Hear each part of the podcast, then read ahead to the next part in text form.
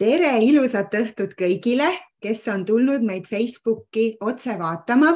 Ja kohe kõigepealt, kuna meil on grupis äh, väga palju õpetajaid, siis kõigepealt on ikkagi paslik soovida ilusat õpetajate päeva. Ja mina täna mõtlesin pidulikult kohe, et ma panen siis oma ühe õpetajate kogukonna pusa täna selga, et, et meil on täna siis justkui ka pidulikul hetkel sellised kaks ägedat ülikooli siis täna siin esindatud. Ja, ja meil on siis täna kohe selline eh, võiks öelda päevale väga kohane, see tegelikult tuli täitsa kuidagi juhtumisi, et see ei olnudki niimoodi seatud aga, aga ma arvan, et täiesti ideaalne, et õpetajate päeva õhtul rääkida natukene õppi, õppimisest. Ja mul on täna külas Kati Aus ja on nii tore see, et ongi kohe kaks Katit ei pidanud kahte eesnime kirjutama siia ja ma olen tegelikult tahtnud Katit kutsuda päris ammu endaga vestlema. ma arvan, et niipea kui ma alustasin nende vestluste sarjaga, oli tema üks esimene, kes käis mu peast läbi. aga eks ikka on see, et, et mõne inimese puhul mõtled, et äkki tal on nii kiire ja, ja et äkki ta on nii tark ja, ja siis mitte, et ma nüüd ei arvaks, et Kati ei ole tark, vaid pigem on see, et mina olen ise saanud seda enesekindlust, et, et äh, igaüks ongi omas vallas äh, äh, nii-öelda, kas noh, ekspert on selline sõna, mida tõenäoliselt inimene, kes tegelikult on ekspert, ei tahakski väga öelda, aga et, äh, et selles ongi rikkus, kui me alati ei tea kõike ja julgemegi üksteiselt küsida. ja, ja mina olengi kutsunud tegelikult Kati sellepärast siia, et saada ise natukene rohkem asjadest teada aga ennem kui me läheme Katiga vestlusesse, siis ma ütlen ka kohe ära selle, et me ütleme Katiga omavahel sina, sest et see oli selline meie kokkulepe, et siis te on, on kõigil mugavam jälgida ka ja ennem kui läheme vestlusesse, siis äh, ütlen ära ka selle nagu traditsiooniliselt ikka, et kui sa oled kuulamas, isegi kui sa seda järgi kuulad, siis äh, proovi teha märkmeid, visuaalseid märkmeid, et, äh, et mis on see, mis sa endaga kaasa võtad, mis küsimused sul tekivad, mida sa tahaks edasi uurida mis sa siit teada saad ja jaga neid meiega ka. ja kindlasti, kes siis jälle on aktiivsemad kuulajad, äh, kas küsite midagi sinna Facebooki laivi alla või, või panete oma märkmeid, et siis äh, kindlasti jälle loosime paar auhinda välja ja oleneb alati sellest, et kui aktiivsed meil otsekuulajad on, et kas me siis saame kohe paar auhinda või ainult ühe ja pärast hiljem mõni, et ikka natuke see, et, et kogukonnas hoida ka seda elevust, et, et, et selle, selle eest, et sa tuled ja kuulad, võib saada midagi ka sellist toredat vastu. ja ennem siis äh, või nüüd ma arvan, et ongi õige aeg tegelikult äh, öelda tere siis meie külalisele Katile ja, ja nii palju siis, et, et äh, võib-olla kõige rohkem on siis äh, Katit äh, olnud näha ETV saates Maailma kõige targem rahvas, ühe siis sellise eestvedaja ja eksperdina. aga kes natuke rohkem hariduse vallas siis sees on, teab, et, et Kati on siis tegelikult Tallinna Ülikoolis Haridusteaduste Instituudi teadur ja, ja hariduspsühholoog ja ta valiti eelmine aasta aasta lekt-, aasta õppejõuks ja, ja ma just lugesin Kati sellist toredat postitust täna, et, et, et õnneks valitakse varsti uus, et siis saab jälle rahulikult olla edasi selline õppejõud, nagu sa tahad olla, mitte selline, nagu arvad, et äkki siis see valitud õppejõud olema peaks, nii et tere, Kati sulle. tere! Ja rõõm on siin olla. Ja ma ütlen ka siis enda poolt, et palju ilusat, ilusat, ilusat õpetajate päeva jätku siis kõigile et ma loodan, et meie pere šokolaadid jõudsid õigetesse kohtadesse õigete inimeste kätte. Ma täna käisin Paikuse koolis koolitamas viitekümmet õpetajat visuaalse lihtsustamise vallas ja siis mõnel õpetajal oli laua peal ikka selline šokolaadide kuhi. Ja ma vaatasin pealt, et siit on ikka nii, et jõulud tulid varakult ja et kes selle kõik ära sööb, aga mm. õpetajal on energiat vaja. Ja Ehm, no kuidas sul, äh, kõigepealt ma küsin äkki hoopis sellise küsimuse, et kuidas sul on siis tunne sellega, et kui sa mõtled, et sa oled äh, aasta õppejõud, ehm, kas, kas see tekitas sinus mingeid selliseid väga ägedaid emotsioone või mõtteid, kui sa eelmine aasta selleks valitud said? Noh, täiskasvanud inimene peaks ütlema nüüd, et see oli kõik väga kaunis ja kena ja, ja ma olen hästi tänulik ja meelitatud ja kõik on väga tore. Aga reaalsus on see, et, et sellised asjad ikkagi tekitavad üksjagu imelikke tundeid ka võivad inimeses tekitada, et teed rahulikult neid asju, mida sa tahad teha ja teed neid noh, üsna pingevabalt selle mõttega just, et, et sa tunned, et need on olulised, sa tahad neid teha. Ja siis, kui keegi järsku tuleb ütlema, et kuule, mulle meeldib, kuidas sa seda teed, siis järsku tekib tunne, oot-oota, aga mis ma siis nüüd teen, mis ma, äkki kui ma nüüd enam ei tee, äkki siis ei ole enam hea. Ja enda sees sellised rumalad mõtted lähevad kohe tööle, et see on hästi-hästi huvitav kogeda, et noh, tavaliselt ma eriti mingisuguseid tunnustusi selles suhtes ei saa, et pole väga harjumust, et võib-olla kui natukene harjutada, äkki läheb paremaks, aga üldiselt jah, et, et noh, eks ta tekitas elevust üksjagu ja oli selline huvitav, huvitav periood aga, aga jah, ma ütlen, et mina vist ei ole harjunud selliste asjadega, et minu jaoks ta ei ole selline äh, noh, loomulik asi, võib-olla ütleme niimoodi, et mul on praegu väga hea meel, et ma saan juba jälle rahulikult, rahulikult olla, et keegi ei mäleta enam, kui sina just meelde ei tuleta, et keegi ei mäleta. Aga no see on väga hea, sest aeg-ajalt tuleb ikkagi tunnustusi, äh, eks ju, meelde tuletada ja mul oli ka endal nüüd just äh, eelmine nädal võimalus, äh, osalesin ühel kõnevõistlusel ja võitsin selle kõnevõistluse. Ja tegelikult oligi kõige huvitavam see, et sellised esmased, noh, muidugi oli esmane emotsioon oli see rõõm, et ma ju nägin selleks vaeva. Ja siis hakkasin kodus järsku mõtlema, et äkki ikka oleks võinud keegi teine võita, äkki see oli õnnelik juhus ja et oot, äkki ikkagi nüüd midagi noh, et äh, kuidas nüüd mina ikkagi võitsin, et tekkis nagu hakkas niisugune tunne ja siis oligi, et ma tegelikult proovisin just nende tunnetega tegeleda, aga, aga täpselt samamoodi nagu kui keegi teine oleks võitnud, oleks mina olnud kurvem ja et, et ikka on ju see, et kedagi valitakse, keegi võidab. järelikult selleks ikkagi me midagi teeme nii et ju siis ikkagi on. samas see on muidugi jälle pikem jutt on ju, et kus me mõtleme nende tunnustamiste süsteemide peale, et see on jällegi üks teise õhtu teema, ma arvan. ja just täpselt. võib-olla see ei olegi nii imelik, et, et me aeg-ajalt tunneme ennast ootamatult Äh, mitte meeldivalt sellistes olukordades, ehkki justkui võiks tunda meeldivalt. aga et ühesõnaga, see on pikem, pikem, pikem, pikem jutt ja, ja tegelikult äh, läheme siit sinna, et sinuga veel natukene tuttavaks saada, ennem kui siis selle teema juurde läheme, sest ma ei teagi, kui palju sinult selliste vestluste jooksul just neid kahte küsimust nüüd küsitud on, vähemalt mina neid ei ole niimoodi kuskil näinud ja noh, ma ei ütle ka, et ma oleksin nüüd paaniliselt guugeldanud, eks ju, et kõik su kohta teada saada. aga kõigepealt ma tahan sinult küsida seda, et äh, kes on hariduspsühholoog? Mhm.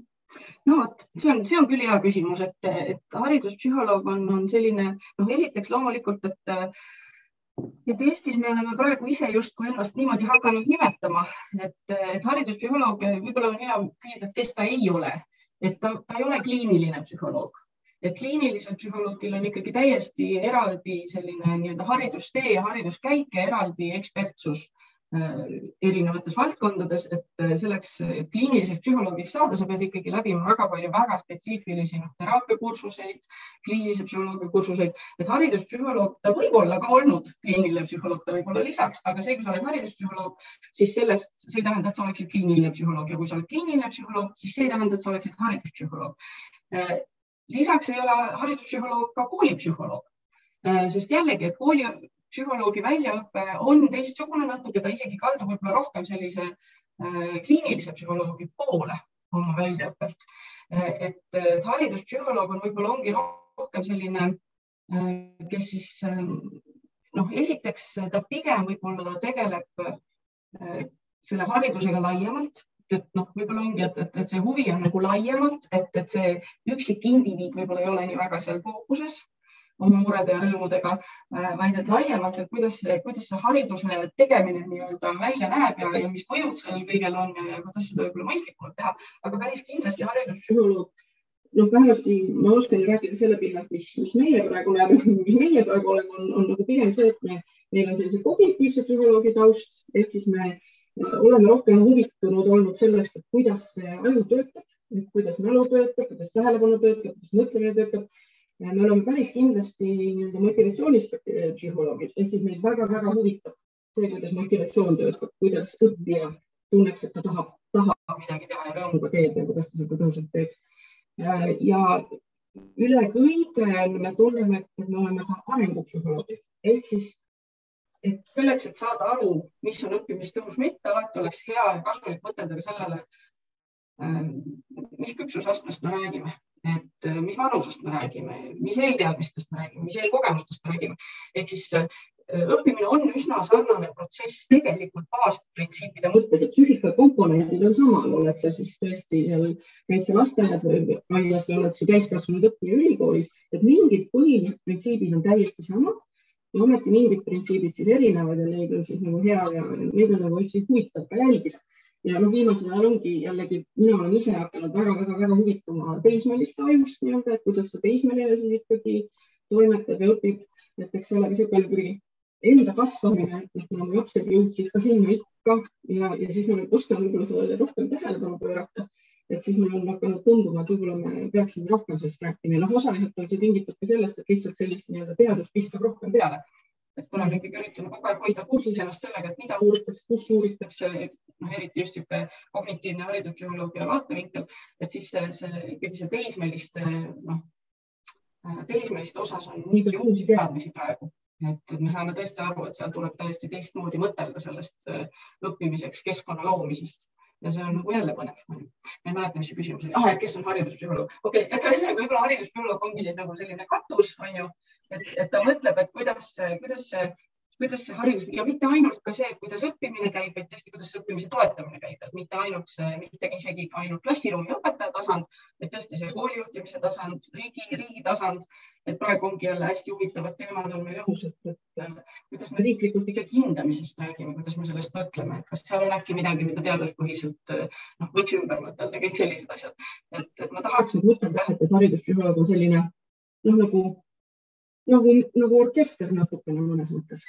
aga noh, näiteks need hariduspsühholoogid, kes mul praegu silmade ette tulevad Eestis, et ükski neist ei ole päris kindlasti kliiniline psühholoog, ei tohiks nii-öelda teha teraapiat kellelegi. Ja, ja, ja, ja ega ka koolipsühholoog, et ja no väga põnev ja mul on väga hea meel, et sa kohe tõid ka neid selliseid teemasid näiteks ja, ja ma sain siit kohe näha eh, ka seda, et mis on see, mis sinu silma, eks ju, särama paneb, et seesama see motivatsiooni uurimine ja need teismelised. Ja ma panin selle siia omale märksõnana, sest tegelikult, kui me üks hetk läheme sinna, sinna teema juurde natuke, mis minul hästi silma särama paneb, siis seal on ka üks, üks asi, mis ma teismeliste kohta viimati nagu kuulsin, nii et vaatame, kas mul on meeles see sisse tuua, kui ei ole, siis võid küsida, et Kati, sul oli midagi sellist mm. -hmm. aga küsiksin nagu sinu käest veel seda ka, et, et aga kust sul üldse tuli see huvi äh, haridusteaduste või siis selle hariduspsühholoogia vastu, et kuidas see sinuni jõudis, kas sa oled juba olnud ka kuidagi lapsest saadik, et armastanud mänginud õppimist äh, õpetajate perest või kuidagi tule kasvõi sealt korraks nii? jah, no issand, nii tore, lihtsalt räägid iseendast, õhtul, õhtul räägid iseendast, see tundub kuidagi natukene naljakas, olgu. et hea meelega räägin iseendast. et teadlikult tegelikult ei ole mina kunagi olnud õpetamise poole kaldu, üldse mitte. et, et see, kuidas meie nii-öelda aju töötab, et see on mind huvitanud küll kunagi, kogu aeg et noh, ma olen kõrvalt jälginud mingeid asju enda õppimise puhul on ju võrreldes siis oma sõpradega võib-olla ja võib-olla noh, ma olen mõtelnud küll nii kaua, kui ma ennast mäletan, ma olen mõtelnud, et huvitav, kuidas nemad mõtlevad, huvitav, kuidas mina mõtlen, huvitav see ja teine ja kolmas, et teadlikult mul nii-öelda seda õpetamise teemat ei ole olnud, vaid pigem on olnud selline noh, ikkagi õppimise teema või, või kuidas see aju töötab, selline teema on nagu olnud mul küll huvi, huvis nagu orbiidis kogu aeg aga samas jällegi huvitav on see, et ma ei teadvustanud endale lapsena, mu ema, mu vanaema on tegelikult matemaatikaõpetaja. et, et see oli justkui nagu ma üldse ei, ei loonud mingeid paralleele, ei tõmmanud, see, see nagu üldse ei, ei olnud minu jaoks nagu minu teema või minu tee, et minu kodus on tegelikult olemas matemaatikaõpetaja. mind väga huvitas see, kui vanaema seletas äh, nii-öelda, ta andis järeleaitamistunde ja kui ta siis tegelikult seletas nendele lastele, kes olid võib-olla hätta matemaatikaga, kui ma siis mööda käisin sealt ja aeg-ajalt kuulasin, mida ta seletas, ta tegelikult seletas super põnevalt. Eh, niimoodi, et mul endal, kes ma ei, ei saanud veel aru, et ma ei saa tegelikult aru nendest asjadest, vaid lihtsalt sooritan mingeid asju, mul endal ikkagi aeg-ajalt, et aa, see tähendab hoopis seda, et ma mäletan neid tundeid, eh, kui ma nii-öelda sealt mööda aerutasin nendest selle laua tagant, kus õpetaja või jah, vanaema neid tunde andis et tavaliselt ka minust noorematele lastele, mistõttu nagu praegu ma hakkan tagantjärgi mõtlema, et ma ei olnud nendest asjadest varem aru saanud teadlikult. kui ma siis kuulsin, kuidas vanaema seletas neid asju äh, nii-öelda individuaaltundides teistele lastele, siis aeg-ajalt ma mäletan seda tunnet. et see oli nagu väga põnev. aga jah, et, et üldiselt ei ole mul üldse olnud ei õpetamise ega õppimisega sellist teadlikku seost, et pigem jah, ma läksin psühholoogiat sellepärast nagu õppima, see tundus mulle nii põnev, mulle tundus nii põnev see, kuidas seda teadust seal tehakse. Mulle tundus, noh, see maailm tundus mulle hästi-hästi põnev. Nagu ilukirjandus, nagu oleksid sattunud sellisesse mõnusasse raamatukokku lihtsalt, et nagu ahmida kõik enda sisse,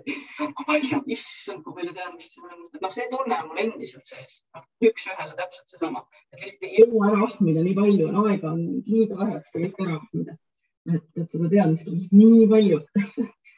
ja siis mingil hetkel tuli sinna psühholoogia kõrvale see, et sa tahaks just nagu hariduse valdkonnas seda nii-öelda siis rohkem veel teada saada? ja et, et, et ma eriti kuidagi sattusin Eve Kikast nii-öelda kuulama loengutesse, et ma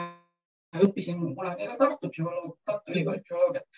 ja, ja tema noh, loenguteemad olid hästi, noh, ta oli koolipsühholoog, aga tal oli tõesti sellist kognitiivset psühholoogiat, see, kuidas see mõtlemine ikkagi areneb ja, ja, ja kõik sellised teemad ja need mulle nagu kohe väga meeldisid. Ja, ja ma ise tegelikult ei kujutanud ette, et ma nendega ise kuidagi tegelema hakkan, nad lihtsalt huvitasid mind väga. aga ma ise hakkasin uurima hoopis motivatsiooni, sest ma sellega olin ise nagu hädas kogu aeg. Ja nüüd ma, nüüd ma alles hakkan aru saama, miks ma olin hädas, et siis ma lihtsalt tundsin, et ma olen hädas, et mis toimub ja, ja siis hakkasin nagu sel teemal rohkem nagu teadusuuringuid nii-öelda läbi hekseldama, siis ise oma uuringuid tegema motivatsiooni pinnalt.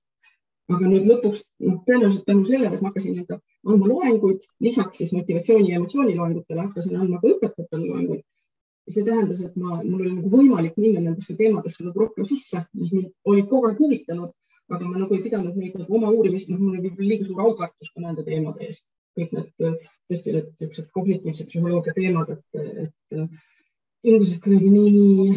noh, ongi aukartust nähatavad. aga siis ma sain vähemalt neisse sisse vaadata läbi selle, et kui teisi õpetad, siis on põhjust ju ise rohkem ja rohkem ja rohkem lugeda ja lugeda, lugeda, uurida, vaadata.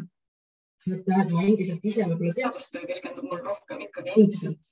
motivatsiooni teemadele. aga mind väga-väga köidavad ka kõik muud teemad, mis seal õppimisse puutuvad mm. -hmm nii äge on näha inimest, kes tõesti räägib silma särades enda, enda tööst ja sellest, kuidas tegelikult ju see kogu see teadus niimoodi huvitab, et, et, et, et ma arvan, see ongi siis õige, et meil on tore näha, et meil on Eestis siis sellised hariduspsühholoogid, kes nagu tõesti on väga suured fännid, et, et Eesti hariduse tulevik tundub, et on tegelikult heades kätes ja jah, muidugi ei ole ainult kõik teie teha, eks ju, et väga palju on seal kõike muud ja ma juhtusin tegelikult kunagi uurisin Valdur Mikita eh, doktoritööd, noh, mõni nüüd mõtleb, vabal ajal uurid inimese doktoritööd, aga lihtsalt ma ei tea, miks. see oli nii huvitav, et ta tõi seal tegelikult välja selle, et, et miks on haridust nii raske muuta, on see, et et me tahame seal tõenduspõhisust, me tahame seda kõike uurima hakata, aga samal ajal, kui me seda uurimist teeme, juba elu muutub, juba mingid muud teadmised, asjad tulevad sisse ja see ongi nagu selline noh, hästi-hästi tegelikult ühelt poolt niivõrd köitev, aga ka niivõrd raske valdkond, eks ju ja. samas jällegi siis on jube põnev, kui leiad ikkagi midagi üles, mis on üsnagi universaalne, on ju. et, et mis tõesti nagu mõtled, et noh, et, et, et seda võiks nüüd ikkagi mõtelda, et, äkki rakendaks nagu nii palju kui võimalik, et, et lihtsalt, et läheks natukene midagi nagu, nagu paremaks, on ju aga see jah, see tunne on kogu aeg, et kõik läheb kogu aeg juba eest ära, juba on uued teadmised, juba on uus, kõik, kõik on juba uus. et see tunne on kogu aeg. et meie siin ikka räägime veel sellest, et kool võiks hiljem alata, eks ju, kui juba on ei tea mis, eks ju kõik. Mhm. aga ma arvan, et nüüd äh, on veel aeg öelda ka seda, et kui siis on neid, kes on jõudnud meid Facebooki kuulama, sest ega ju ei tea, õhtune aeg ja, ja tavaliselt on hästi palju neid, kes järgi vaatavad. aga kui kedagi on, siis olete oodatud äh, meil meile esitama küsimust või ka lihtsalt märku andma, et olete kohal ja kuulate, sest et seda on nii tore näha, et kui on neid inimesi, et kuigi meil on ka siin Katiga väga tore kahekesi rääkida, nii et alati tuleb teha asju enda pärast ja siis vaadata, et kas teistel ka tore on. aga läheme selle juurde, et, et see illusioon õppimisest ja, ja tegelikult äh, miks siis äh, see teema selline sai, oli, põhjus oli see, et, et mina sattusin, ma ei teagi, kuidas, mis märksõnu guugeldades siis ühele Youtube'i videole, mis tegelikult siis oli tehtud äh, Tallinna Ülikooli äh,, ülikooli poolt selline ekspert eetris ja Kati Aus siis rääkis seal, äh, nii ma kirjutasin selle ülesse ka, Humanitaarteaduste Instituudi emakeeleõpetuse ning rakenduslingvistika lektori Merilin Aruveega ja see vestlus tegelikult keskendus sellele, et kuidas see keel ja mõtlemine koos toimivad, mida see õppimise jaoks tähendab. ma räägin sellest äh, ajendist veel mõne aja pärast, aga tegelikult sealt käiski läbi see sõna illusioon õppimisest ja kuna mina ei olnud seda varem kuulnud, siis mul käis nagu täiesti niimoodi ja siis ma hakkasin mõtlema, et tegelikult mina õppisin kogu põhikooli aja küll noh, täiesti nii, et mul oli ikkagi illusioon õppimisest, sest kui ma näiteks noh, mul abikaasa ei olnud üldse selliste hinnetega koolis ja kui on mingid teadmised nüüd, mida igapäevaelust räägitakse, siis tal on kõik need justkui nagu, eks ju, või siin oma poistega koos õpime ja mina õppisin lihtsalt selleks, et saada see kontrolltöö viis, eks ju. nii et ma tahaksin küsidagi sinult, Kati, et, et mis siis on see illusioon õppimisest? ma mõtlen, kust otsast pihta hakata, et äh,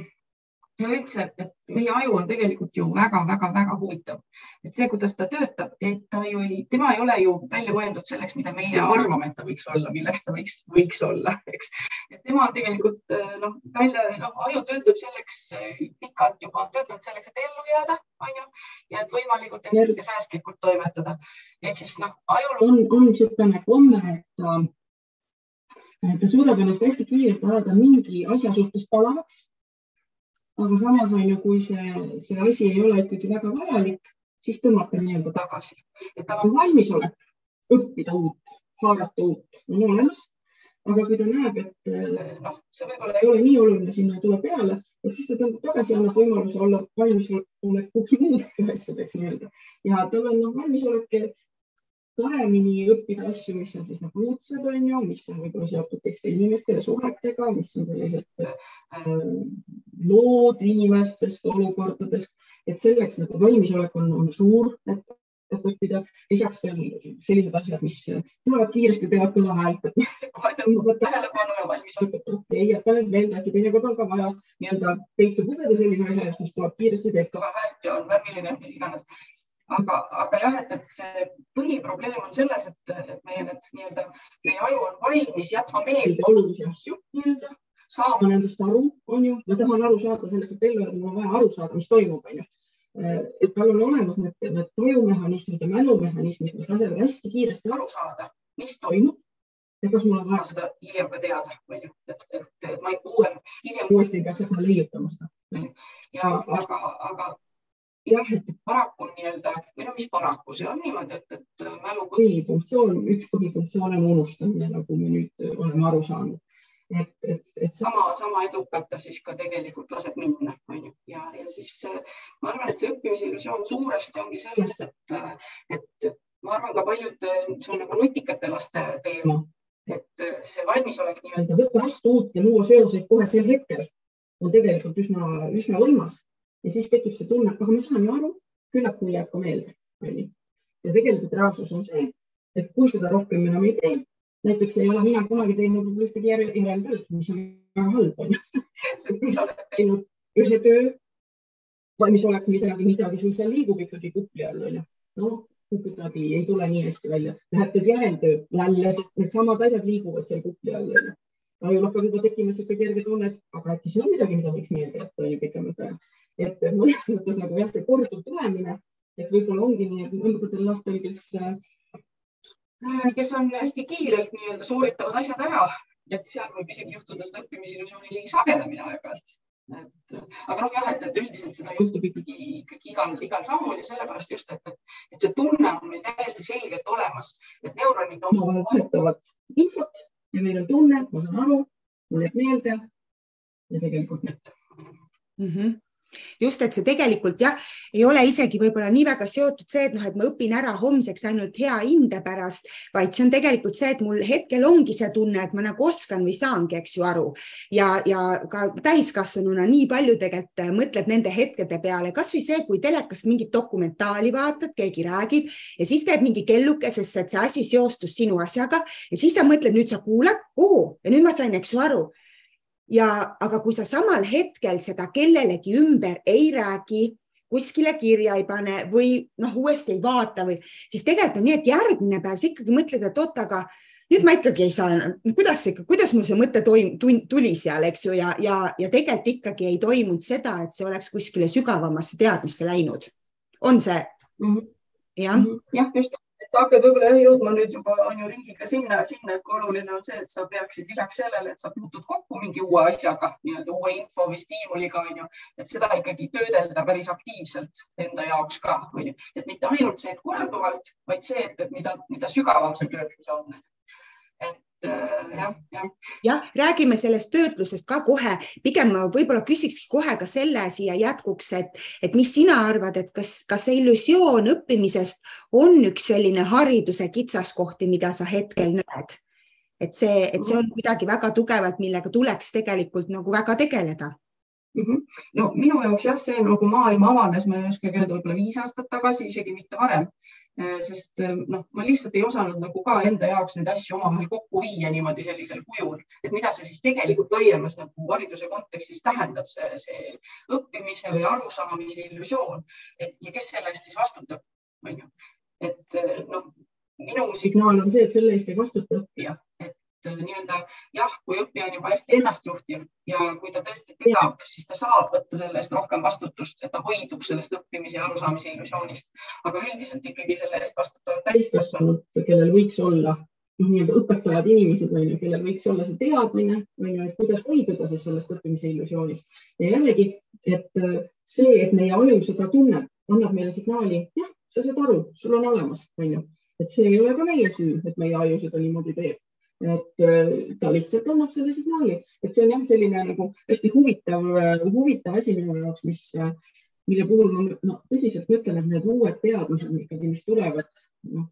õppimise ja mäluprotsesside kohta on nii kasulikud, tõesti rakenduslikud kooli jaoks. et noh, ma mõtlen, et kui me hoiaks ära pool sellest õppimise ja arusaamise illusioonist, mis praegu on, mõtle, mida meie sinuga võiks teha praegu kujutad ette kui mul oleks midagigi oleks külge jäänud, onju. aga noh, ma arvangi, et sel hetkel noh, minul sai saavutuslikuks see, et siuh-siuh-siuh, kõik asjad läksid noh, korraks kokku ja vsu mm. -hmm. ja, ja noh, tegelikult see on nagu huvitav, et sa ütlesid välja ka selle, et selle eest peab vastutama see täiskasvanu, kes justkui siis peab oskama noh, aidata. sellest ka saamegi kohe, see ongi nüüd see, eks ju, need erinevad meetodid võtta kasutusele, aga mul praegu sellega seostus noh, nagu on see, et vaata, ma ütlesin, et võiks tulla niisugune vestlus, kus me täpselt ei tea, et kui tahaks midagi küsida. mul korraks seostus see, kui ma kunagi kuulasin meie, kes see on meil see üks selline mälutreener Tauri Tallermaa ja kui tema siis rääkis seda, et ähm, tegelikult on jumala mõttetu teismelisel hakata rääkima nagu seda, et tead, et siuksed süsteemid ja selleks on vaja ja aju töötab nii ja, ja siis umbes, et sa pead, et teismeline saadab su kukele selle peale, et tema nagu noh, tal hoopis teised funktsioonid, asjad toimivad, möllab kõik seal peas, on ju. ja et see panigi mind mõtlema, et tegelikult siis ju meie täiskasvanutena peame ju, sest noh, mõtleme teismelisest veel ettepoole, see laps äh, ammugi noh, veel ei ole loogilist mõtlemist sellisel viisil, et mis see näitabki, et tegelikult me peame päris pika vanuseni siis seal koolis äh, väga palju hoolitsema selle eest, et mitte laps ei pea loogiliselt aru saama, vaid lihtsalt meie teeme mingeid asju, mis tema ei teagi, et tegelikult toetab tema õppimist no selles suhtes, et noh, uuringud ütlevad seda, et võimalikult varakult ikkagi hakata rääkima loomulikult ikkagi, et miks me teeme niimoodi, miks me ei tee teisiti. ja tõenäosus on väga palju suurem, et lapsed, lapsed, kellel, kellele nagu räägitakse, kellele aidatakse ka ise nagu mõtestada seda, et, et, et miks ma näiteks palun teil praegu teha sellise ülesande, on ju, miks ma praegu palun teil nagu noh, nii-öelda panna kõik õpikud kinni, on ju, ja, ja ise meenutada, miks ma praegu palun teil näiteks visualiseerida see, mis me praegu rääkisime, proovi lihtsalt joonistada üles, et kuidas sulle tundub, mis seos aastast aru said, onju. et, et mida rohkem sellest räägitakse võimalikult varakult, seda kasulikum absoluutselt on. selles ei ole kahtlust, aga jah, et me teame paraku, et, et noh, esiteks see motivatsiooni teema on ju, et teismelised sõidavad mingid muud vajadused üle, las nad sõidavad, paljudel mitte, paljudel sõidavad, onju, et las see olla aga jällegi, et me saame hoida neid ree peal, et me ikkagi räägime, neil see teadmine, teadlikkus ikkagi nagu tuleb, aga see, et nad ei pruugi ise võib-olla olla sel hetkel võimelised selle järgi talitama, et siis me saame oma õppeprotsessi niimoodi üles ehitada, et nad iseennast ei kahjustaks on ju sellega, vaid et me ikkagi toetame seda õppimist nii-öelda, olenemata, vaatamata sellele, et nad ise võib-olla ei ole kõige motiveeritumad iseennast reguleerima sel hetkel, on ju. aga samas nad on noh, võimelised vägagi ju kaasata, ütleme tegema mõistlikke asju lihtsalt kui, kui noh, ja see on jällegi pikem jutt, on ju, et kuidas aga jah, et, et väiksed lapsed päris kindlasti mitte ei oska iseennast aidata ja noh, väikestel lastel on üldse raske aru saada, et äh, isegi oma mälust on ju, et kas mulle jääb meelde, kas mulle ei jää meelde, et ta võib lugeda näiteks pika luuletuse läbi ja arvata, et äh, ei, ma ei pea seda rohkem õppima, mul on juba ju peas näiteks, et noh, et selline iseenda mõtlemisest mõtlemine, noh, väikeste laste puhul noh, ei olegi kättesaadav. aga jah, et, et rääkida sellest igal juhul tuleb, aga ma ütlen, et sellest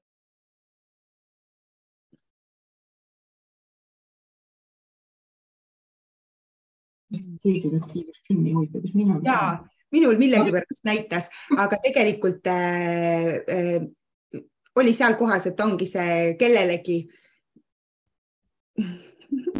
et ühesõnaga jah, et, et see, see ennastjuhtivat õppijat me justkui peaksime kogu aeg küll kujundama, aga me ei saa ühelgi hetkel tegelikult eeldada seda, vaid ikkagi õppeprotsess võiks olla üles ehitatud niimoodi, et see kogu aeg aitab süvitsi õppida, aitab neid kordusi esile kutsuda, aitab pingutada on ju õigetel hetkedel et see, see ikkagi juba võiks olla õppedisainis nagu sees mm. -hmm. Mm -hmm ja, ja ma siin äh, korraks ka vaatasin, et meid on kaks kuulajat tervitanud, Helle ja Kerstin, väga tore, tervitused ka teile, et te kuulate ja endast märku andsite, et kohe tekkis tunne, et nüüd on meid justkui neli, kuigi seal on näha, et ka rohkem on kuulajaid. Äh, aga võiks ka võib-olla, kui, kes kuulab ja tunneb, et noh, ikkagi tahaks ka endast märku anda, et siis võib ka olla, et kui te seda juttu kuulate ja enda peale mõtlete, et kuidas teie olete olnud õppijana, et kas te olite need, kes võtsid seda aega või olid teil mingid meetodid, kuidas te saite aru, et te justkui seda sügavamat õppimist teete või oli teil ka ikkagi, ikkagi ja on siiamaani seda illusiooni sellest õppimisest? nii et võite sinna meile mõne mõtte visata, aga meie siis jõuamegi äh, Katiga tegelikult sinna, mis oli see selline teine märksõna meil täna ehk see sügavam õppimine ehk siis see vastand siis, et kui on illusioon õppimisest ja, ja, ja tegelikult ei teki seda, siis me tahame, et oleks see sügavam ja põhjalikum õppimine, siis äh, mis siis on need, ähm, mis on, mis sina ütled, sellised võib-olla kõige tõhusamad meetodid, nipid, äh, mida saab kohe võtta? No mis kohe, aga võt, saab võtta kasutusele teadlikumalt, et seda illusiooni õppimisest ei tekiks, vaid, vaid ikkagi tekiks sügavam õppimine.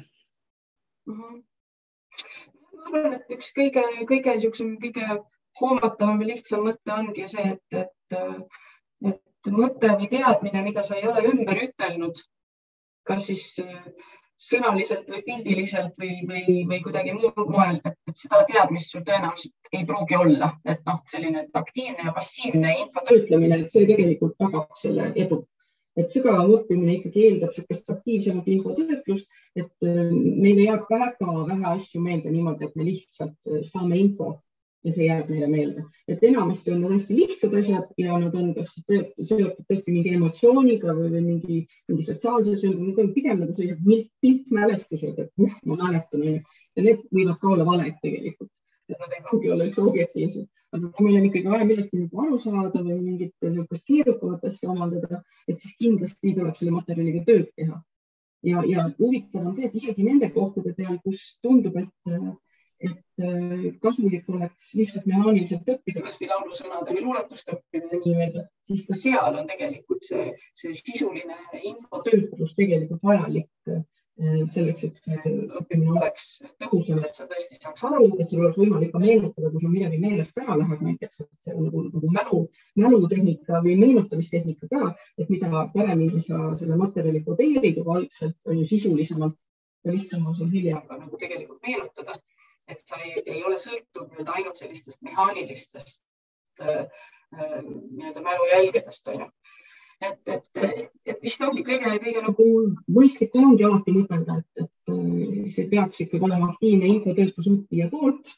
ja, ja loomulikult kordused on ju. Ja see kordused ka mitte niimoodi, et, et esimene kord töötleme infot aktiivselt, näiteks õppijad töötlevad infot aktiivselt, aga järgmised kordused on ikkagi see, et passiivselt, näiteks keegi teine tuletab meelde või ma loen üle passiivselt, et see ka ei ole, et see ei ole enam, see ei ole see kordus, et see, et kordused võiksid ka olla aktiivsed nii-öelda. Mm. -hmm ja noh, tegelikult üks ikkagi ju, kui me mõtleme praegu hariduses, kui on see, et on vaja seda, et see oleks see kordamine, see info enda jaoks läbitöötlemine, siis kui mõelda klassiruumis toimuvale, eks ju, see on ka see, mis teie vestlus seal Youtube'is oli, oli, oligi see, et tegelikult meil on lihtsalt nii kiire kogu aeg, eks ju, et äh, meil on vaja kogu aeg materjali läbi töötada ja siis justkui nad noh, ei jäägi seda aega, et, et mina õpetajana võimaldaksin, et laps saab seal koolis kohe selle tegelikult nagu ka omandada, seda aru saada, sealsamas peegeldada, läbi arutleda, sest et me nagu lihtsalt võtame teema ja siis tegelikult kodus laps ka lihtsalt loeb ju selle, eks ju, läbi. et see aeg on vist väga suur võtmetegur seal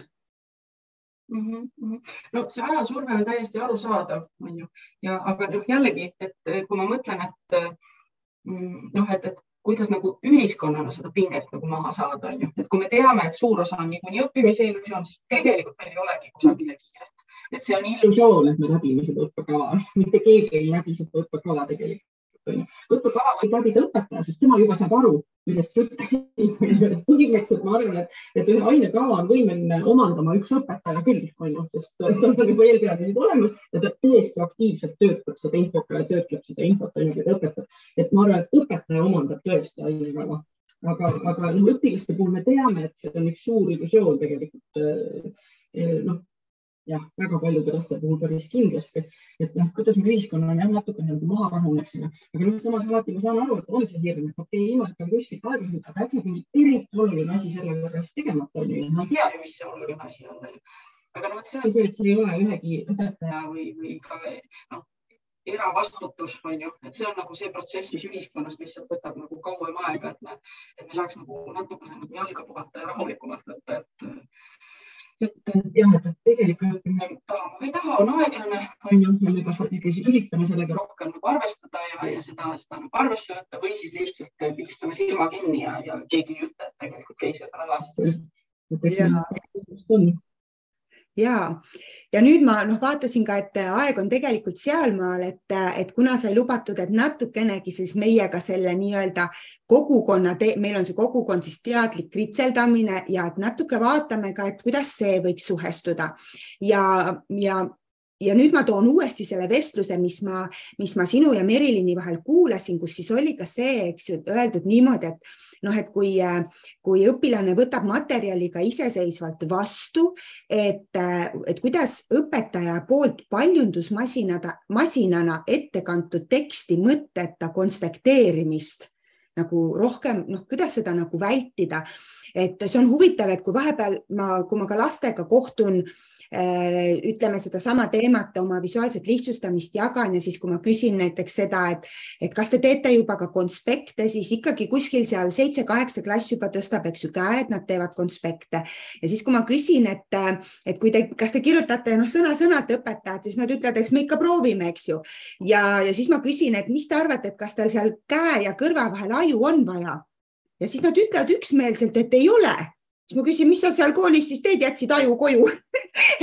Ja siis nad hakkavad ise ka naerma. Ja siis ongi see, kus me tegelikult nagu arutlemegi selle üle, et et, et kunagi, kui ma oma magistritööd tegin, siis seal tuli välja ühe uuringuga see, et üks kõige halvem viis märkmeid teha, noh, et on see, et me peaks tegema märkmeid õppimiseks, eks ju, need peaks meie omaks saama. kõige halvem viis on märkmeid üldse mitte teha nagu ka sina ütlesid, et lihtsalt kuulates see tegelikult ei toimi. Eh, siis teine halb viis on teha siis neid lineaarseid noh, trükimasina märkmeid, kus tegelikult siis ongi ju see hetk, et kui ma keskendun kirjutamisele, siis ma järsku ei kuule, oota, mis ta ütles. Või kui ma hakkan siis päriselt kuulama, mis ta ütleb, siis ma nagu ajan sassi. Ja kolmas halb viis siis, mida tegelikult noh, arvatakse tihti kritseldamisega on see, et, et tegelikult see on halb viis, kui ma lihtsalt kritseldan kui ma teen lihtsalt lilli ja liiplikaid ja mustreid, sest see on ka väga halb õpistrateegia, kuna seal ma ka pigem, ma olen lihtsalt kohal, et mul ei hakkaks igav, aga ma ikkagi ei mõtesta seda õppimist. ja ongi siis tegelikult see, et kui ma siis kasutan nii-öelda märkmete tegemisel sellist viisi, kus ma tegelikult tõlgendan selle arusaama endale ja ma samas teen neid märkmeid siis ka niimoodi skeemina rohkem. ja noh, ütleme, et võibki öelda sõna skeem, aga, aga me saame kasutada erinevaid kujundeid, mis annavad ka võimaluse sellel loovusel välja tulla, seda mängulisust sisse tuua. ja noh, tihti arvatakse, et siis justkui joonistan, aga tegelikult see on ikkagi see, et ma ka kirjutan need märksõnad, lihtsalt see kujundimaailm annab võimaluse lihtsustada siis, on asju, mis ma ei peagi võib-olla sel hetkel kirjutama ja siis tuleb see mälupildina selle kuidagi sümboli kaudu et, äh, et mis sina arvad, et kui ma praegu seda niimoodi kirjeldasin, sest noh, ma tean seda, et sa küll oled natuke uurisid seda, aga ma ka kohe ütlesin sulle, et sa ei pea. Vaatamegi, et kui ma sulle praegu sellisena selgitan, mis sina arvad, et kas see võib olla ka see üks viis, mis meie koolides võiks aidata seda, et meil, kui meil on see konspekteerimise oskus lapsel päriselt, kuidas ma mõtestan ja siis nii-öelda tõlgendan et kas, kas see võiks aidata ka seda, kui meil on nagu kiire, aga siis lapsel see toimub seal mm? -hmm. no tegelikult siin on rohkem minu jaoks jälle tekkis rohkem küsimusi, kui, kui on vastuseid, et ma just vaatasin, et nii palju põnevat on tegelikult sel teemal tehtud, ma ei jõudnud lugeda kõike, aga mul on noh, sakid on jälle lahti, et mida kõike tahaksin kätte, et mida kõike on tehtud. aga noh, selge on see, et noh, et lapsed ei saa nii-öelda kuulata õpetajat ja konspekteerida mõistlikult, on ju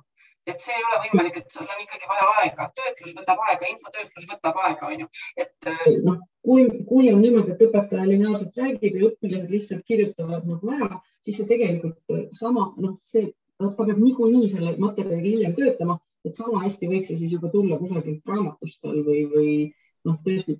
väljendus paberi vahelt, et, et selleks nagu justkui noh, võiks öelda, et jah, sa oled seal ruumis siis kohal olnud ja, ja see, kui sa kirjutad üles, noh nagu sa ütlesid, kõige halvem on see, kui ma midagi ei tee. et siis on tõenäosus ka väga suur, et mu mõte läheb lihtsalt uitama. et põhimõtteliselt ma arvan, et praegu, mis töötab kõige paremini, on nagu see võib-olla tõesti, et kui õpetaja räägib, ma üritan kõik kirja saada, siis on selge, et ma hoian oma tähelepanu hästi fokusseeritud, sest noh, kui ma midagi maha magan, siis on show on ju, et ma pean olema hästi nagu kohal, on ju aga infotöötlust sellele tegelikult väga palju ei jõua aju teha, et see tuleb niikuinii hiljem siis kodus järele, järele teha. et siis noh, tasub ikkagi, tasub tõsiselt mõtelda, kas see on kõige parem, kas see on kõige toetavam sügavam õppimise mõttes. tegelikult ju ei ole, eks mm, -hmm. et kui ka on mingid sellised nii-öelda loengulaadsed asjad, jällegi räägin asja, mida ma ise tunnen, ma pean väga palju rohkem jälgima ja noh, teadlikult ja vaata, miks ma tegelikult täna siia sinuga tulin, oli ka see, et ma üldiselt väga no, ei, ei taha käia rääkimas niisama neid asju, mida me kogu aeg räägime juba, et, et noh, ei jaksa enam, aga, aga täna ma tundsin, et see on teema, millest ma ise tegelikult tahaks rohkem teada, onju. ja siis see oli nagu hea võimalus, et ma saan nagu sinuga otse rääkida, sinult küsida ka, onju, ise lugeda mingeid asju juurde. et noh, et tegelikult ma nagu ise mõtlen ka, et kas minul näiteks ka loengus oleks mõistlik ikkagi rohkem võib-olla niimoodi teha, et okei okay,, et kui mul ka on need hetked, kus ma tunnen, et ma ise räägin rohkem, et mul on nii palju infot vaja jagada et siis, et noh, et mis see aeg võiks olla, millal ma ütlen, okei okay,, nüüd on stopp, onju. no vait, võtke see kolm minutit, noh, kitsendage üles praegu, mis, mis teil siit tuli, mis seosed, mis märksõnad, mis asjad onju. et, et kas see, kas, kas sina, kes sa oled tõenäoliselt rohkem selle kohta uurinud, kas see võiks olla mingi tõhus asi, mida nagu koolis ka siis nagu rohkem rakendada, sest noh, kuulan, kirjutan, kuulan, kirjutan, et seda suudab ainult võib-olla onu Raivo noh, jutupliiats teha, kes on juba tõesti nagu ja see lugu on tal enne juba peas, eks ole ja et noh, tegelikult eks see on ka see, et seesama, et seda tehnikat ka osavalt märkmete tegemisel kasutada, tahab see vilumust, et ma üldse oskan neid kujundeid ja sümboleid, et see on mul siin, eks pagasin olemas. Aga tegelikult samal hetkel, kui ma sulle seda jagasin, et õpilase märkmete viisi, hakkasin sind järsku, noh, hakkasin sind kuulama, siis mul tekkiski see, et, et jällegi, et aga kuidas õpetaja saab seda teha, et õpilane nii, niimoodi siis teeks, et see ongi see, et kas siis ma annan nüüd selle aja ja ütlengi, et mitte ärge lihtsalt nüüd kirjutage ülesse, vaid tehke märksõnadega, skeemiga. noh, võib see olla, et näidata, et too mingeid kujundeid või mõni sümbol sisse, miks mitte anda seal ka see aeg, et guugelda see mingi sümbol näiteks ja joonista maha, sest tegelikult samal ajal ta ju juba seob seda, eks ju. ja, ja teine viis, noh ka see, et kui õpetaja oma materjali edasi andes ka on juba võib-olla loonud mingisuguste seostega sellist materjali, et samal ajal kui ma räägin, on tegelikult ees see, et, et see suurem pilt mingi asja kohta, noh, mis jällegi tahab seda, et õpetajal on see vilumus, eks ju, et, et see kõik võtab väga palju aega. aga, ja ma jäin ka mõtlema, et kas üks variant võib ka selline olla, kui, kui äh, me annamegi koduse töö sellise et sa pead selle läbi lugema ja sa pead tagasi tulema siis sellega, et sa oled selle kohta teinud siis äh, sellise visuaalse skeemi. jällegi mitte kirjutanud, eks ju, vaid et me näeme ju skeemilt, kuidas ta sai aru, mis on millega seotud. mis oleks ju eriti äge ka lõimingu puhul, kus laps peab üldsegi näitamagi, et ta luges ära, ma ei tea, kirjanduse ja, ja bioloogia ja nüüd ta on mõlemal õpetajal ja näitab seda, kuidas ta kodus tegelikult nad pani kokku. kuidas see, kuidas see mõte tundub? Jah, aga noh, jällegi ma mõtlen, et, et see on võimalik tõenäoliselt alles, noh, mina isegi arvaks, et keskkoolis on ju, et põhikoolis on, on, ongi nagu see, et mida on vaja eraldi õppida, ongi see, et tekst on ju esi, esi, esitatud tavaliselt ikkagi lineaarselt, on ju paljudes õpikutes, et siin on hakatud tooma järjest neid visuaale juurde, aga seda on ka uuritud, noh, seda juba ammu, et, et need visuaalid ei pruugi aeg-ajalt olla noh, ülearu toetavad tegelikult õppimist toetavad, et üks asi on see, et, et nad ei pruugi olla lõpuni nii-öelda õigetele asjadele võib-olla tähelepanu juhtivad, teiseks on nemad ikkagi juba passiivsed ja nad on ka nagu lapse jaoks justkui lineaarsed, et võib-olla mõnikord nad aitavad mõne seose seal nagu lahti hammustada, mida lineaarsest tekstist on väga raske teha, aga ta jääb ikkagi nagu selliseks passiivseks, et noh, et üks asi, mis nagu selliste skeemide tegemine kindlasti teeb, ongi ju see, et, et, et sa, sa oled sunnitud nagu lahti kodeerima selle, et okei okay,, et kui siin öeldakse, et, et sügisel koristame vilja, mis see siis tegelikult tähendab, kust see vili sinna maha saab, kust ta, no et seal tekib juba nagu selliseid peaks tekkima, aga, aga kui sa lihtsalt loed järgmine lause,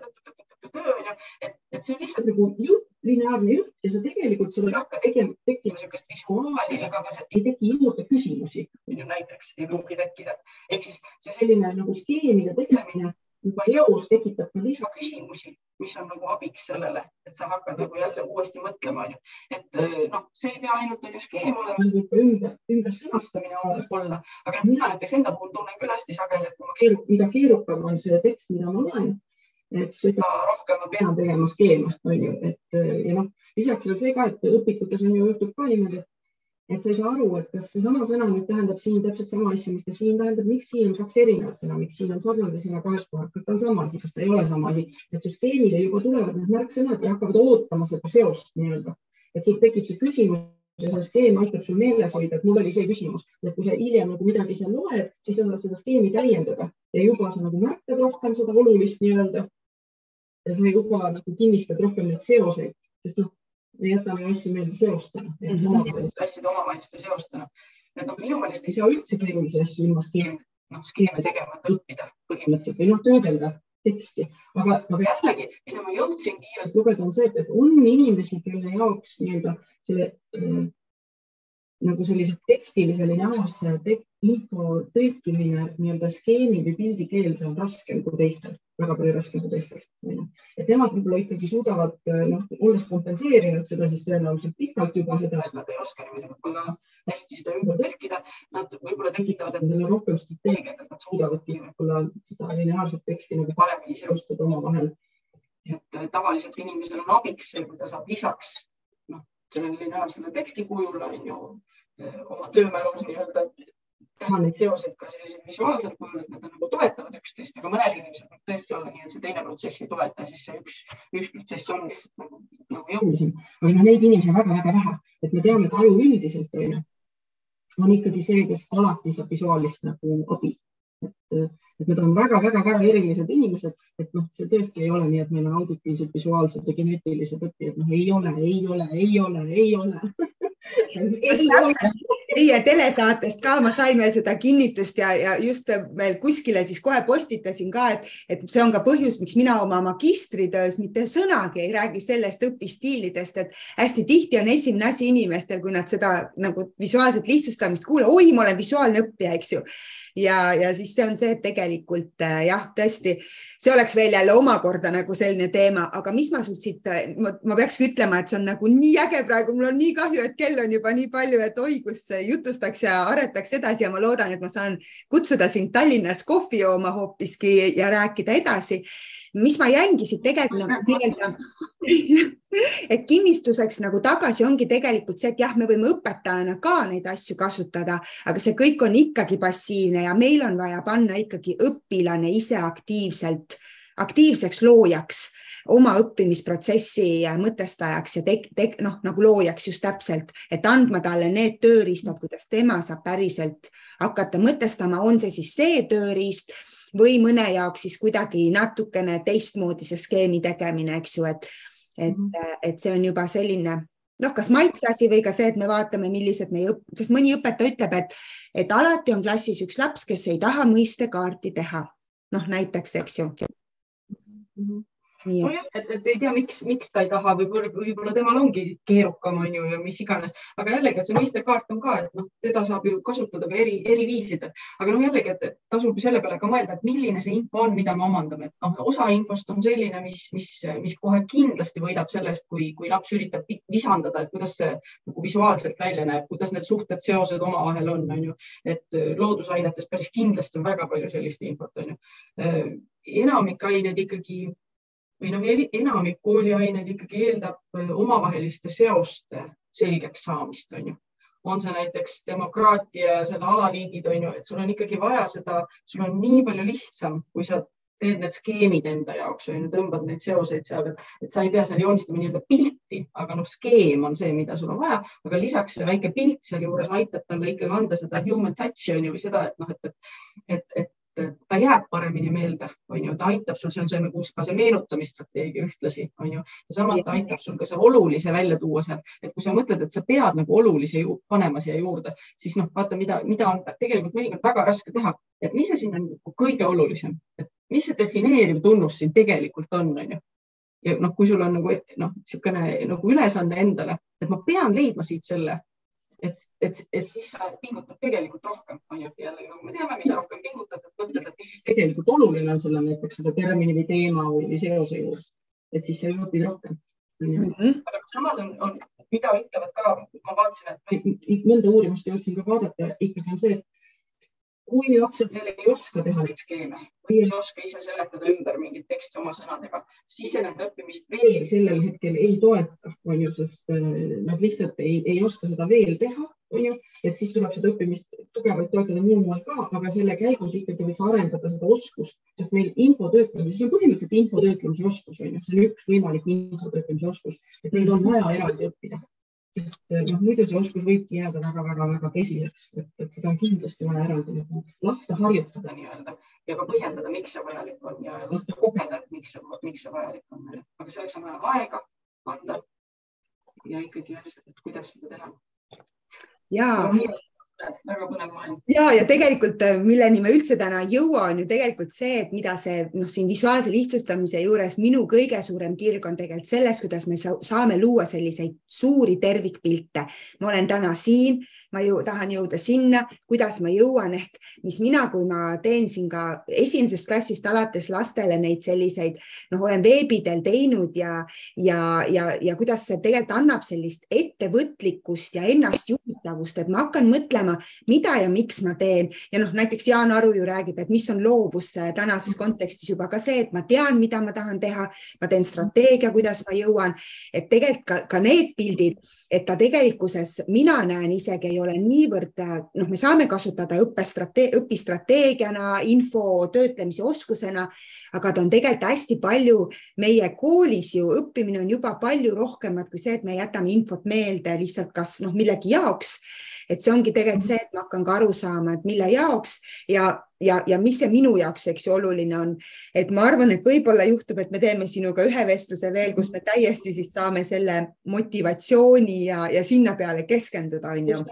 sest noh, üks asi on see, et, et, et ma pean paremini aru saama sellest, mis on uus, on ju, et selleks aitavad kõik need asjad, millest me praegu jõudsime rääkida, on ju. aga see, mis sa praegu välja tõid, et see on ju hoopis teine teema veel, on ju. Mhm. just ja see on tegelikult see, mis on nagu see minu jaoks nagu jube, jube põnev teema. aga ma, ma ütlen nüüd veel korraks ja vahele, mis veel selle koha pealt, eks ju, et seesama, et tuua see pildikene juurde, teha loovamalt, siis ka on üks mõte, ma annan sulle lihtsalt nagu mängimiseks, mille me võime kunagi lauale tuua, et, et psühhiaater Anne Kleinberg ühes esinemises ütles niimoodi, et, et me ole, lapsed on läbi lapsepõlve hästi loovad ja kui me mõtleme väiksema lapse peale, siis ei ole ju see imestada, sest nad usuvad, ei tea mida, eks ju, et mida võlukepp võib võluda ja nii edasi. aga tegelikult pidi olema niimoodi, et kõige suurem loovuse puhang tuleb teismelise eas kui on lastel kõige suurem kontakt oma alateadvusega ja tegelikult sellises vanuses on igasuguse loomingu ja, ja mängulisuse olulisus tohutult suur, aga enamus meie teismelisi on selleks ajaks juba jõudnud sinna faasi, kus ma ei oska joonistada ja ma ei julge seda teha ja, ja tegelikult see loovus on jäänud nii tahaplaanile selliste loovate võtete kasutamine. Ja siis mina olen mänginud selle ideega, et see saaks üks päästerõngas võib-olla olla, kui neil on see pagasis kasutamiseks. Ja on ka toonud tegelikult noored välja seda, et kui nad seda kasutavad enda jaoks, mitte koolis ainult õppimiseks, siis see aitab neil aru saada oma tunnetest, ennast maandada rohkem kui lihtsalt kirjutamine et niisugune väike mõte selle nagu teismeliste teema juurde, mis oli minu jaoks niivõrd põnev äh, kuulata mm. -hmm. ja. aga jälle mina sain nüüd jälle endale teemasid, mida, mida hakata otsima äh, mul on nii hea meel, kui ma saan ka midagi vastu anda ja tegelikult äh, ma, ma vaatasin, et seal tuli, meil on paar küsimust sulle siis äh, ma ennem tahan küsidagi seda, et kas, äh, kas sina tunned, et sina tahaksid veel nüüd minult midagi küsida, äh, mis sa tunned, et äkki jääb õhku või on siis see, et tõesti küsime, kas järgmisel kohtumisel kahekesi või jälle teeme teistega koos midagi mm. -hmm. no ei, mis ma oskan, ma arvan, et see on pikem jutt on ju, vaata ma ennem ütlesin, et ma ei jõudnud su seda magistritööd ikkagi nagu põhjalikult vaadata, aga see tundus olevat juba nii põnev, eks ma võin teda ise ka ju vaadata, aga äkki sa ütled, et mis sul nagu sinul endal olid sellised, et, et mida sa soovitad mul eriti täpselt nii-öelda vaadata, et kui me mõtleme õpetajate peale, et, kuidas siis tegelikult seda kasutada noh, ma arvan, et noh, see teooria osa on kindlasti põnev lugeda selle visuaalse lihtsustamise koha pealt, et kuidas siis ta mingites protsessides kaasa mängib. Eh, aga minu jaoks olid põnevad ka need tulemused, et ühelt poolt muidugi võis küsida, et noh, et miks ma magistritöö jaoks mõnes mõttes nii lihtsat küsitlust tegin, aga oligi see, et mul ei olnud kuskilt minema hakata ja ma pidin seda teada saama, et nüüd kuskilt minna ja minu jaoks oli seal väga üllatav ikkagi see, kuidas Äh, ka selliseks nagu ettevõtlikkuseks ja ennastjuhtimiseks ja et seda nii palju ei ole, et me oskaksime visuaalsust selleks üldse kasutada. et seda oli, et õpetajad ütlesid, nad skeeme lasevad teha, aga väga palju ikkagi see nii-öelda infotöötlus või meeldejätmine. aga noh, mina ütlengi, et õppimine on juba ju palju-palju muud ja oli ka võib-olla huvitav see, et kui mina ajan taga seda tõenduspõhisust mingis mõttes, et noh, kuidas ma siis ütlen õpetajatele, et noh, võiks ju kasutada,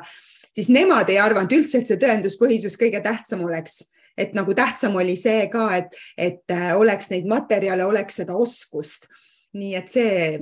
aga võib-olla on sulle huvitav ka lugeda seda minu järelmõtisklust, et, et kuidas või kus saaks seda arendada, et, et äh, minule endale meeldis kõige rohkem seda tegelikult kirjutada. Ma arvan ka, et seal on nagu nii palju sellist, millest minul ei ole õrna aimugi veel, onju, aga võiks olla. No vot, see on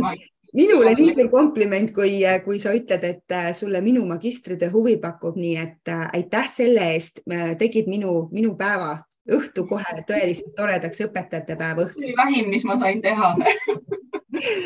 nii, aga vaatame korraks siis äh, kõigepealt tegelikult juba kirjutas meile eelnevalt Sirja, kes küsis niimoodi, et, äh, et kas sa, Kati, võiksid jagada mõnda viimast head lugemiselamust hariduse vallast? Jah, ma siin vaatasin ühe kapi peal kiirelt krahmasin, et mis mul siin on, mul on alati noh, tegelikult on mul alati umbes kümme raamatut, ma ei tea, kui vaimselt terve seda on, aga, aga mul on kümme raamatut pooleli.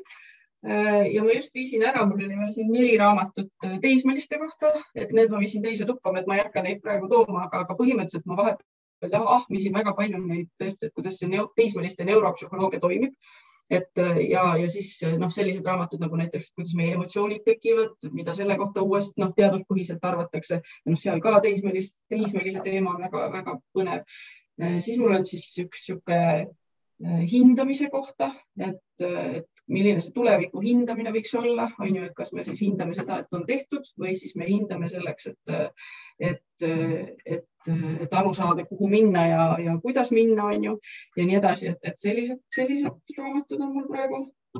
Siis mul on äh, mõni filosoofide kohta mõni raamat, see on ka ikkagi haridus et ma jällegi, vaata, mina teen tasa praegu enda nii-öelda seda haridusteed, kus ma ei osanud veel õppida. Ja siis ma nüüd üritan nagu tegelikult nagu nii huvitavad need asjad kõik ja, ja, ja ma üritan siis nüüd nagu leida seda aega, et, et nüüd nagu teadlikumalt nagu lugeda. ja siis mul on siin ikka natukene Jaan Kaplinskit ja Tõnu Õnnepalu ka, mis on ju väga hariv iseenesest. Ja siis mul on edasi. Lihtsalt reklaami mis on innustav ja hariv ajakiri, järelikult ka puhas, puhas haridus. aga jällegi hariduse teemal tõesti siis on mul see ikkagi see neuroteemad, neuro, neuro, neuropsühholoogia teemad ja teismeliste teemad on nagu praegu kõige rohkem. Sa ütlesid võib-olla, kui ühe raamatu välja tuua, sa ütlesid, et raamat, et kuidas emotsioonid tekivad, kas see ongi raamatu pealkiri? Ja kes on selle? How emotions are made ja see on täitsa kohe jah, et Liisa Feldman-Barrett on niisugune üks uus äh, või noh, niisugune tõusev täht nii-öelda emotsioonide uurimise maailmas, siis ta, ta kirjutab sellest, et mida uut me oleme teada saanud sellest, et, et kuivõrd konstrueeritavad meie emotsioonid tegelikult on. Äh, et see on hästi jah, põnev, põnev. ja sa ütlesid, Barrett on perekonnanimi, nõrga B-ga kaks R-i mm. -hmm. nii. igaks juhuks peaks üle kontrollima, et ma siin nüüd valet ei pannud et, et see on kindlasti Sirjale väga põnev, sest ma natuke Sirjat olen õppinud tundma, kuigi me pole kunagi kohtunud, aga ta on väga suur meie, meie tehnika fänn ja siis ta on ise inglise keeles, inglise keele, inglise filoloog ja tal on seda kindlasti tore lugeda ta huvitub sellistest teemadest, ma arvan, nii et nii väga hea, ma võtan siit ja ma arvan, et seda veel ei ole, veel ei ole eesti keelde tõlgitud, et just hiljuti avastasin, et, et on eesti keelde tõlgitud, issand, mis see nimi on, teadlik õpetaja äkki vist. Ja seal oli siis ähm, Barbara Oakley ja tema, tema nii-öelda kaaslased on, on ühe raamatu kirjutanud, see on eesti keelde tõlgitud nüüd. Ja see, noh, mina puutusin Barbara Oakley'ga kokku umbes niimoodi umbes kümme aastat tagasi, kui ma hakkasin nii-öelda õpetajate õpetamisega tegelema. Ja siis ma läbisin mingid tema kursused ja, ja tema oli tegelikult minu jaoks üks aken sellesse nii-öelda õppimise ja õpetamise maailma. et, et see, see raamat on nüüd eesti keeles näiteks, et ma, ma ise ei ole vaadanud, et milline täpselt neist tõlgitud on, et minul on vanast ajast neid ingliskeelseid raamatuid, mis see Barbara Oakley oma sõpradega nii-öelda kirjutanud on et ma seda uut nagu ei teagi, mis see on, aga noh, ma arvan, et kui Barbara Oakley on selle kirjutanud, see halb olla ei saa mm. -hmm. no nii, väga hea ja siis tegelikult on üks küsimus ka, ka tulnud äh, äh, selline, et kust saab üks õpetaja või õppejõud konkreetsemaid ideid, kuidas see tund, kuidas tunde illusioonivabaks disainida? Et ma saan aru, see on väga, noh, see küll pikem vastus oleks nende meetodite suhtes jällegi, aga et kas on mingeid kohti, kus neid ideid saada või tegelikult ei ole sellist kohta sellisena olemas ma ei oska öelda, kas selline koht on, aga noh, ma arvan näiteks ka needsamad raamatud, mis räägivad sellest, kuidas aju päriselt õpib, et selle pinnalt tulevad need kõik, on ju, sest, sest kui sa saad aru, et mis tegelikult toimub, siis sa hakkad aru saama, et okei okay,, kui ma niimoodi teen, siis kas nad tegelikult on aktiivsed, ei ole. kui ma niimoodi teen, on ju, näiteks lasen neil vabalt meenutada selleks, et soodustada aktiivset õppimist, siis panen selle eest hinde, kas see on okei okay?, ei ole okei okay,, on ju, siis järgmine kord nad tegelikult ei, ei õpi, vaid kardavad selle käigus, on ju. et ühesõnaga, et kui sa nagu hakkad aru saama, kuidas need asjad omavahel omavahel kokku käib, siis sa järjest iga oma tegevust ju saad hakata hindama selle, selles vinklis on ju. Ja lõppkokkuvõttes on see, et, et noh, ega mina nüüd ka ju lõpuni ei tea, et ma arvan, et see on ikkagi üks katsetamine. Ja, ja noh, ma arvan, et mina kasutan ka väga piiratud arvu tegelikult selliseid nii-öelda võtteid. et äh, sa jääd ikkagi nagu mingite oma asjade juurde kinni, noh, aeg-ajalt on hea midagi raputada, aga lõpuks noh, if it works, then it works noh, et leiad, et, võimalikult palju aktiivsust, võimalikult palju julgust küsida, võimalikult palju erinevaid nagu noh, skeemi, skeemitamist nii-öelda onju, äh, võimalikult palju niisugust iseseisva töö soodustamist ikkagi. Aga, aga jällegi, et kuidas see töö oleks kvaliteetne, mitte lihtsalt, et tegin ära, onju, et, see, ma arvan, on lastega jällegi väga palju keerulisem, onju, et kuidas jõuda selleni, et see võtab aega, onju, jällegi, et noh, jah, ma arvan, et see on üks niisugune otsimiste koht ja niisugust konkreetset ehkki praegu, praegu kirjutatakse, nii palju, kui ma olen aru saanud, kirjutatakse Tartu Ülikoolis ja Tallinna Ülikoolis kirjutatakse sellist raamatut, mõlemas kirjutatakse raamatut, et ta on küll rohkem nagu nii-öelda kaasava hariduse mõttes või eripedagoogika vaatevinklis minu arust mõlemad raamatud, aga, aga seal on ka paar peatükki, mida ma olen juba näinud, kus ka üsna konkreetseid niisuguseid strateegiaid nagu tuuakse välja, et mida tasub teha. ja no vot ja tegelikult äh, jah, minu arust käis ka ühel minu veebikursusel, äh, käis üks Tallinna Ülikooli äh, noor, nooremteadur siis vist tänaseks, kes ka tahab, tahab mingeid taolisi asju uurima hakata, et vähemalt seal andragoogika seltskonnas öeldi mulle, et Kati, et, et äkki sa saad ka kuidagi näidata, et see on üks asi, mida võiks sinna uurimisse sisse panna nii et ähm, ja, ja eks mul on endal ka ikkagi üks päev selline mõte, et kui see ikka väga oluliseks osutub, siis võiks olla mingi grupp, kes tahaks seda ka sügavamalt, sügavamalt uurida ja, ja mul endale ka tõesti paneb silma särama, kui ma saan selle uurimisega tegeleda. aga jah, ka igapäevaelus äh, on see, et noh, ma mingi aeg proovisin blogi pidada hästi aktiivselt iga päev, iga nädal kaks korda ja ikka tuua sisse niisuguseid teadusasju hästi lihtsustatuna ja siis jälle noh, igapäevaelus lõpuks kaob see võimalus, et, et äh, aga sinu, sinu jutt pani praegu mulle väga palju innustust seda, et, et tegelikult see on nii, nii põnev ju. Mhm. aga Kati, aitäh sulle. me teeme veel viimase asjana, kuna meil oli äh, ikkagi neli inimest, kes aktiivselt kaasa mõtlesid, siis äh, ma tahan, et sa ütleksid mulle ühe numbri ühest neljani. kolm. kolm talvi, vot mul on nii tore hea meel, talvi oli täna just, et talvi oli põhjus, miks ma siis täna käisin Paikuse koolis, sest talvi kutsus mind sinna koolitama, nii et mul on nii hea meel talvile üks väike auhind eh, saata. mis see veel on, ma ei ütle, sest ma mõtlen läbi, mis talvil on juba. Et, et kas tal on mu märkmik või mitte aga, aga aitäh, Kati, tõesti veel kord, et sa võtsid selle aja ja tulid ja, ja meil läks tõesti nii põnevaks, et ma arvan, et me võiksime teha, teha siis jätku äh, vestluse millalgi näiteks uue aasta alguses ja rääkida siis sellisest ennastjuhtivusest ja motivatsioonist ja vaadata, kuidas need jälle omavahel kuidagi seostuvad mm. -hmm kuule, aitäh sulle, ma tõesti, ma sain nii palju uusi mõtteid ja, ja, ja väga-väga-väga hea meelega mõtlen edasi ja arutan edasi. Ja nii et ilusat äh, õhtu jätku sulle ja, ja, ja palju edu siis selles kõiges, mis sind äh, köidab, sest et meie kõik saame Eestis äh, sellest palju kasu. nii et, et head aega